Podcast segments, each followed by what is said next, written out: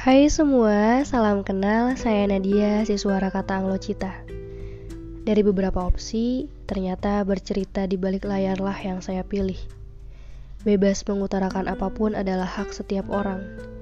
Mendengarkan pun bukan lagi menjadi paksaan. Saya bukan manusia jutaan kata, bukan juga yang sempurna atau praduga baik yang menurut kalian saya adalah baik? Layaknya perkenalan lagi, saya sedang menerima, memahami diri sendiri, berusaha menuangkan dalam naskah dan suara. Kata Anglo Cita, Yah, itulah panggilan kesayangan untuk mewakili isi hati.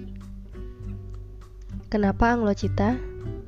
Karena secara makna Anglocita adalah mengutarakan isi hati, sadar bahwa yang paling memahami kita adalah diri sendiri. Bahagia dan sedih, kitalah yang mengatur. Manusia itu cepat berubah.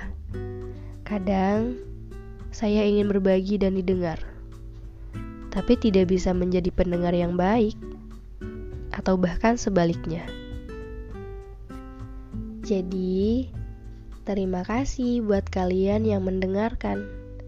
Sekali lagi, sapa hangat dari kata Anglo Cita dan dari seorang perempuan yang belum kaya wawasan.